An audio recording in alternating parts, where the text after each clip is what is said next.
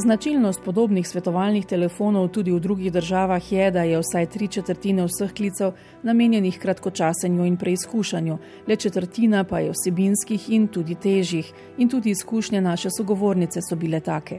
Ko sem začela, je bilo pač večinoma teh in si včasih izgubljal živce zaradi tega, ali pa si bil v stiski zaradi teh, ko te je kdo um, spravil na rob. Zdaj, v zadnjem letu te pa bolj spravijo na rob ti resni klici. No. Ne da se je to število resnih klicev povečalo, ker so otroci doma, nimajo zasebnosti, sploh da bi poklicali, recimo. ampak definitivno so pa stiske globje. Tak primer so denimo razmišljanja klicateljev o samomoru, kar je bilo še pred časom redkost, na katero so prostovoljce med izobraževanjem sicer usposobili, a s pripombo, da gre le za redke primere. Ampak noben si pa ni mislil, da zdaj v zadnjem letu, ko pa je korona, da bo pa takih bolj resnih primerov, poskusov samomora, samomorilnih misli, pa vsaki mesec. No. In tudi sama sem imela te primere. Hvala Bogu, sem se počutila nekako kompetentno pri reševanju, ampak to so bile resne težave. To je bila oseba, ki je poskušala narediti samomor. Je k sreči imela takrat, v tistem trenutku, nekoga zraven, da je to preprečil, to osebo pelal na urgenco, ampak osebo so poslali domov, pomirjevali in to je bilo to. Vem, da me je klicala ta druga oseba, ta prijatelj, in je rekel: Jaz sem prepričan, da, bo, da se bo to ponovilo še danes, mogoče za eno uro, mogoče zdaj, jaz ne vem, kaj naj naredim. In ne samo, da kličejo tisti, ki poskušajo narediti samomor ali pa imajo recimo samomorilne misli, pa uh, razmišljajo o tem, kako bi naredili samomor. Eni imajo že izdelane načrte, eni iščejo pogum, uh, kličajo. Smo imeli primer osebe, ki je klicala, kako zbrati pogum, da narediš samomor. Vse seveda je to zdaj mislim, se stopnjuje, ne? kaj je res visoko tveganje, da bo oseba naredila samomor, pa kaj je mogoče malo manjše. Ampak definitivno je vseh teh primerov full več in moramo se vprašati, veliko pa sploh ne pokliče. Mislim, ne? neki mali odstotek nas je klical, pa je ta odstotek bil veliko večji kot pa leto poprej, recimo. Ne? In če so prej med klicatelji tradicionalno prevladovali osnovnošolci, se je v zadnjem letu starost klicateljev nekoliko zvišala. Zdaj so med njimi tudi študentje, predvsem bruci, tudi tisti, ki sicer imajo dobre socialne mreže. Leto epidemije je namreč vsem razmajalo temelje njihovih življenj. Kopičanje enih različnih stisk in otroci in mladostniki so čisto zgobljeni, ne vejo sploh kak naprej in pač začutiš njihovo stisko, čutiš, kako so na robu, na robu upa. So, no? In e, res je grozno poslušati, ko niti ne veš, na kaj se fokusirati, to, kaj nekaj stvari gre na robe. In z vsakim tednom šolanja nadaljavo se je kazalo, kako zelo pomemben del odraščanja je dogajanje v šoli in zunaj nje. Marsikdo je recimo zdaj na, na novo bolj občutil stisko, prej so imeli kakšen ventil, uh, se pogovarjati s prijatelji, zdaj tega ni več bilo, ne? ker se niso več tako videli. Prej so se videli pet dni na teden, zdaj pa če so se slučajno kaj poklicali. Veliko je bilo uh, stisk uh, v zvezi z družino, veliko nekega novega nasilja, ali pa veliko tudi stopnjevanja nasilja. Prej je oseba lahko vsaj pol dneva bila v šoli, pa se še pol mal zadržala na, vem, v parku ali pa s prijatelji, da ni šla tako domov, je nekako lahko mal vsaj skrajšala ta čas, ne? ko je doma bila, zdaj pa pač tega ni bilo. In med njimi nikakor ne smemo spregledati spolnih zlorab od neprimernega dotikanja, nadlegovanja, telesnih zlorab, tudi posilstev, opozarja svetovalka zaupnega telefona za otroke in mladostnike. Dogajajo se grozne stvari. Uh, jaz se včasih um, rečem, ne, da, da so to take stvari, ko bi mislil, da se sem v ameriških filmih dogaja, pa se ne, to se dogaja pri nas. Pri nas se dogaja otroška pornografija, starši preprodajajo posnetke svojih otrok, ki jih posnamejo, medtem ko jih na, na različne načine spolno zlorabijo.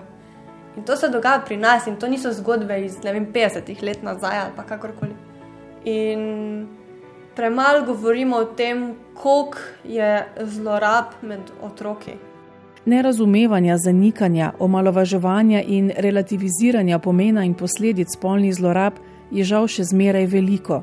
Prav tako je spregledano, da so med žrtvami pogosto tudi fantki, a sogovornica, ki o zlorabah nenehno posluša o tistih najranljivejših, ki so jih doživeli, je neomajna. To pač je dejstvo, to, to si nami, kar zmišljujemo, tako to se dejansko dogaja da ne omenjamo tega, da hočeš ali pa nočeš, ali verjamemo ali pa ne, večino spolnih zlorab izvajajo osebe, ki jih poznamo, družinski člani ali pa neki tesni prijatelji.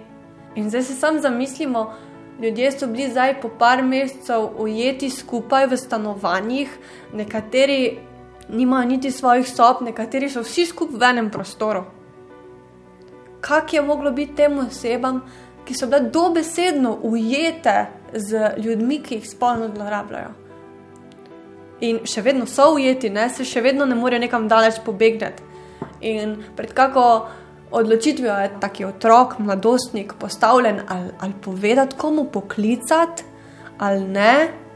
Taki otroci so še vedno tudi odvisni od svojih staršev. To je zelo težko za otroka, da ne omenim, to je težko že za odrasle osebe, kak ne bi bilo za otroka. In dileme, kako ukrepati, so za otroke velikanske. Prav tako ne moč čutijo svetovalci, saj gre za popolnoma anonimne klicatelje, ki jih ni mogoče izslediti in jim pomagati brez njihove privolitve. Šola je pri odkrivanju zlorab zaradi vsakodnevnih stikov z odraslimi zato lahko veliko pomoč.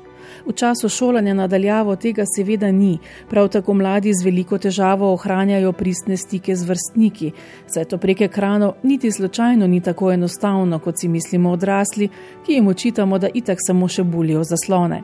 Hočem povdariti, da tako pogovarjanje prek Facebooka in Instagrama, tako malo pa si komentiraš, pa to, to, ni, eh, to niso take vezi, ki bi vzdrževale neka tista prijateljstva, ko jih rabiš res v stiski.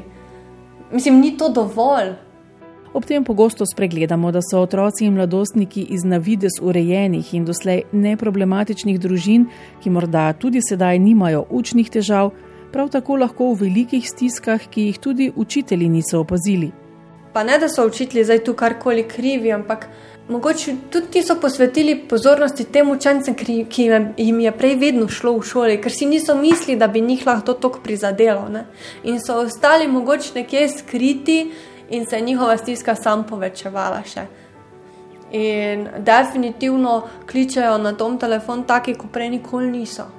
Svetovalka pri svojem delu opaža, da je med mladimi veliko samopoškodovanja, moten hranjenja, duševnih stisk, anksioznosti, osamljenosti, tudi slabe samopodobe, kar je pokazala tudi analiza klicev, ki so jo pred nekaj tedni naredili pri tom telefonu.